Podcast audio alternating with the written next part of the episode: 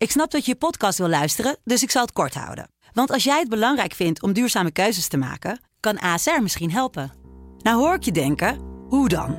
Nou, bijvoorbeeld bij het duurzaam herstellen van schade. Of de premies die we beleggen volgens ons duurzaam beleggingsbeleid. Dat bepaalt waar we wel en juist niet in investeren. Wil je meer weten over welke duurzame keuzes ASR maakt? Ga dan naar asr.nl slash duurzame keuzes. ASR doet het. Zo, dan kan je nu lekker naar je podcast luisteren.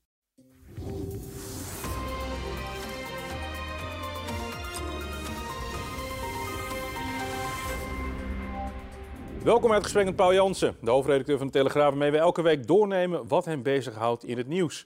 Paul, welkom. We hebben een, eh, iets unieks. We hebben een zetelroof van een eenmansfractie. Ja. Het, het, het, het bestaat. Ehm, maar misschien is het een beetje symbolisch voor de huidige stand van zaken in de Tweede Kamer, waarin eenmansfracties, waar heel veel partijen aanwezig zijn, die heel veel trommelen. Alleen ehm, ja, welke richting we nou precies opgaan is misschien een beetje onduidelijk.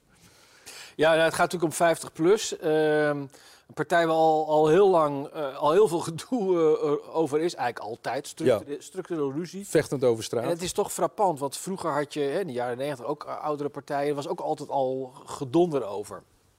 En bij 50 plus was het gedonder natuurlijk met Henk Krol die opstapte. En, en, en er kwam Lianne de Haan. En toen haalden ze hem één zetel. Daar dachten we nog van, nou dat is eigenlijk ja. nog best wel knap. Want kiezers houden niet van ruzie, dat is, dat is, dat is wel bekend. Uh, en het, het, grapje in Den Haag was dan ook altijd wel, nou ja, één voordeel van, uh, van één zetel is dan kunnen ze in ieder geval niet afsplitsen. En wat gebeurt? Mevrouw stapt, uh, stapt uit de ja. partij. En weet je, we doen er een beetje lacherig over, maar het is natuurlijk, eigenlijk is het natuurlijk diep triest. vooral ook voor al die mensen die op zo'n partij hebben gestemd, maar ook omdat 50 plus als beweging wel zijn waarde heeft bewezen. Hè. En, en, en, Nederland is bovendien een heel veel grijs land.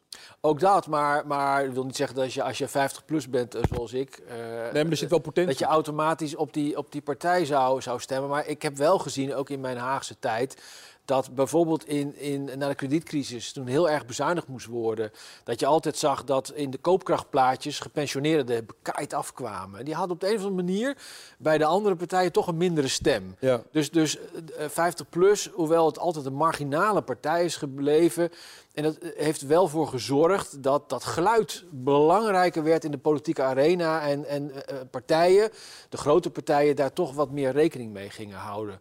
En, en zo zie je dat een, dat een, een kleinere partij toch een, een, grotere invloed zou kunnen hebben. Maar ja, dit, dit voert zo ver en het, het laat wel een aantal dingen zien, denk ik. Er is, er is al heel veel te doen over uh, de slechte de frag politieke fragmentatie. Nou maakt ja. een e eenmansfractie die zich afsplitst, daar maakt het op zich niet uit. Maar het is, het, het is wel tekenend voor een groter probleem. Uh, rond de bestuurbaarheid in Nederland. We hebben nu 17 partijen vertegenwoordigd in de Tweede Kamer. Nou, dat helpt allemaal niet. De laatste keer dat er zoveel partijen in de Kamer zaten uh, was Jij weet het. Nou, 1918. 1918, heel goed. Even, uh, een, een, jaar na het einde van de, van de Eerste Wereldoorlog, zeg maar. Ik dacht, ik dacht, zelf, uh, ik dacht zelf dat in de jaren 60, 70 uh, ook wel... Hè, ook, ook wel zo zou in die orde van grootte zou hebben gelegen. Ook omdat het CDA toen nog niet bestond. Nee. Er waren nog meerdere, meerdere partijen. Maar zelfs toen kwamen ze niet aan zoveel partijen als, als nu. En dus in 1918. En, en dat helpt niet bij de bestuurbaarheid. Nou, je, je zou een aantal dingen daaraan kunnen doen... Uh, daar is ook al lange discussie over. Ik denk heel belangrijk zou kunnen zijn, is om die kiesdrempel ja, te verhogen. Duitsland doet dat bijvoorbeeld. En Zweden. In, ja. in, in, in, Nederland is de kiesdrempel heel laag, ligt op 0,67 procent. Dat betekent van de opkomst. Dat betekent als er 10 miljoen mensen naar de stembus gaan, dan heb je bij 67.000 stemmen ja. heb jij een zetel. In Duitsland, je zegt het al, ligt hij op 5 procent. Ja. Even, even wel andere koek. In Zweden ligt hij op 4 procent. Nederland is echt, echt heel laag met die kiesdrempel. Dat heeft natuurlijk als voordeel dat, dat een geluiden uit de maatschappij eerder politiek vertegenwoordigd worden. Maar het heeft dus als, als nadeel dat je die versplintering krijgt. Nou, dat is niet voor het eerst. Dus in de jaren 60 en 70 zijn al meerdere voorstellen gedaan om die kiesdrempel te verhogen naar anderhalf ja. à 2 procent. En ik denk dat zou op zich helemaal niet zo gek idee zijn. Want dan zou je toch wel, laten we zeggen, 200.000 stemmen moeten halen. alvorens je een zetel krijgt in ja. de Kamer. En als je er dan in komt, heb je, in één keer, heb je in één keer een paar zetels, zeg maar.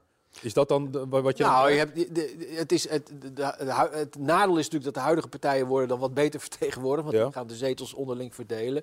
Maar het zorgt gewoon voor dat de bestuurbaarheid beter wordt. Het tweede wat veel besproken wordt natuurlijk, is van hoe ga je nou om met zetelroof?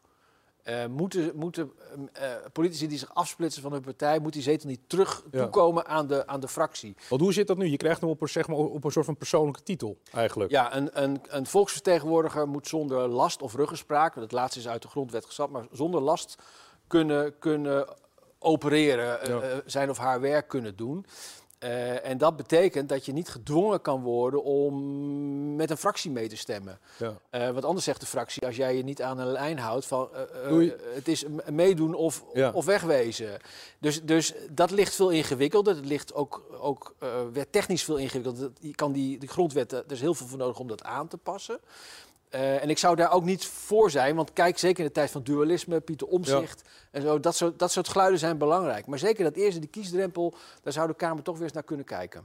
Ja, ehm, de situatie die eh, zorgde er zelfs voor het case van de Staaij, de SG, eh, van de SGP, dat hij zelfs eh, een opmerking daarover moest maken. Een onderbelicht eh, voordeel van de nieuwe partij met één zetel dat de kans op afsplitsing bij hen nihil is. Dat was in maart en eh, nu moest hij toch schoorvoetend bekennen dat hij iets te optimistisch was. Ja. Ehm, ja, humor, maar eh, we zitten natuurlijk in een situatie waarin Nederland voor grote uitdagingen staat. We zitten in een pandemie, er zijn grote dossiers, pensioenen, klimaat, eh, infrastructuur. eh, er zijn gewoon dingen waaraan gewerkt moet gaan worden de komende tijd. Eh, en ook nog eens met een, een dominanter worden Europa, bijna een soort van federatie waar je inmiddels een beetje onder valt. Een beetje vies woord misschien, maar laat ik hem toch even zo inkoppen. Ehm, er moet wel iets gebeuren, want eh rariteitenkabinet, dat, dat, die, die, die, die, die woorden ga je straks krijgen, we moeten natuurlijk niet krijgen dat elk debat een, een, een, een- gigantische knokpartij elke keer wordt. Nou, op zich heb ik niet zozeer tegen een, een verbale knokpartij in de Kamer.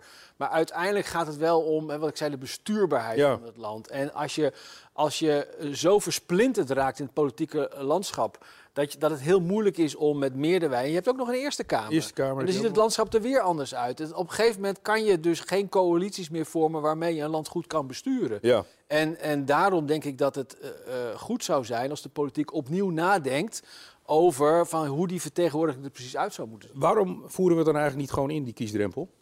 Nou ja, eh, goede vraag, want in, in Den Haag, politici praten daar ook heel vaak over. In elke formatie komt het weer terug, Ja. de fragmentatie van het politieke landschap. Maar partijen zijn er toch huiverig voor, omdat ze dan eh, ja, de verdenking op zich, op zich krijgen... dat zij de, de concurrentie uit de electorale boot proberen te duwen om zichzelf Ja. groter te maken. En dat is een boodschap die je, ja, die je heel makkelijk tegen iemand weer kan gebruiken. Dus partijen doen zeker in, in deze tijd... eh, waarbij ook weer, hè, we hadden het over dualisme. Ja. En, en dus die, die, dat geluid uit de maatschappij eh, misschien wel belangrijker is dan misschien 10, 15 jaar geleden. Zijn partijen heel huiverig om dit op de agenda te zetten. En toch denk ik dat het goed is als dat opnieuw bespreekbaar wordt gemaakt. Onze collega's van de NOS eh, tot, slot, tot slot hebben een onderzoek gedaan. waarin eigenlijk de conclusie is dat eh, de kiezer, de Nederlander, wil dat Den Haag zich meer bezighoudt met het land en minder met zichzelf. Een meerderheid wil ook tegelijkertijd een nieuwe bestuurscultuur. Maar Ja. er is maar weer een klein deel die denkt dat het er ook echt gaat komen. Ja, laten we heel even cherrypicken hieruit. Ehm, eh, gezien de, af, de situatie van de afgelopen weken snap ik wel de conclusie. Ik wil dat ze wat minder met zichzelf bezig zijn met meer, en meer met ons. Ja, en het is toch het is heel tegenstrijdig, hè, Ja. het onderzoek. Want je zegt ja, eh, en, en terecht hoor, we, zitten verdorie in een, in een eh, coronacrisis. Dat is vooralsnog vooral een gezondheidscrisis. Maar daarachter schuilt natuurlijk een, de dreiging van een economische crisis. Ja. Dan wil je een kabinet hebben, eh, of in ieder geval een landsbestuur wat doorpakt, eh, richting geeft, de goede besluiten neemt. Eh, een, een nieuw kabinet wat er is voor Prinsjesdag, zodat je een begroting kan neerleggen en, en de boel kan, kan aanpakken. En in plaats daarvan is Den Haag al wekenlang aan het navelstaren. Dus dat is een hele logische klacht. Tegelijkertijd zeggen mensen ook van ja, maar de bestuurscultuur moet wel anders. Ja, dat is niet zomaar even veranderd. Dus Nee. dan, dan moet je juist met jezelf aan de gang. Maar dat willen ze dan weer niet. Dus het is hoe logisch eh, de, de, de antwoorden ook zijn, zijn ze wel met, met elkaar eh, in, in tegenspraak. En ik denk, ik denk echt dat het belangrijk is dat we eh, in Den Haag, waar de afgelopen weken heel veel gedoe is. En niet onterecht, hè, want er is wel het Tuurlijk. nodige ge- gebeurd. En, en door ongelukkig optreden van natuurlijk met name D66 verkennen Ollongren is dat naar buiten gekomen. Eh, wat, wat zich in die achterkamertjes afspeelt. En ik moet vaak denken aan eh, D66 eh, eh, oud-lijsttrekker Alexander Pechtold. Die zei, politiek is fel en funzig. Ja. Nou, dat hebben we de afgelopen week gezien. Maar, en dat kan ook niet altijd met schone handen. Maar het moet wel transparanter zijn en het dualisme moet, moet beter gewaarborgd zijn. Ik hoop dat ze ehm, nu de zaak weer oppakken en niet met een idee van... ach, we hebben het, het appt vanzelf wel weer weg en dan gaan Nee. we over tot de orde van de dag. Wat we zo vaak zien. Maar ik hoop dat, dat deze boodschap goed in de oren is geknoopt. Niet alleen van de bestuurders van nu, maar ook de bestuurders van morgen. Want dan kan er echt iets aan veranderen. En dan kan het landsbestuur ook weer veel effectiever zijn, want zich richt op de zaken waar ze, waar ze voor op die stoel zitten. Namelijk dat is goed richting geven, goed besturen en zorgen dat eh, de juiste besluiten worden genomen in moeilijke tijden. Dankjewel. Graag gedaan.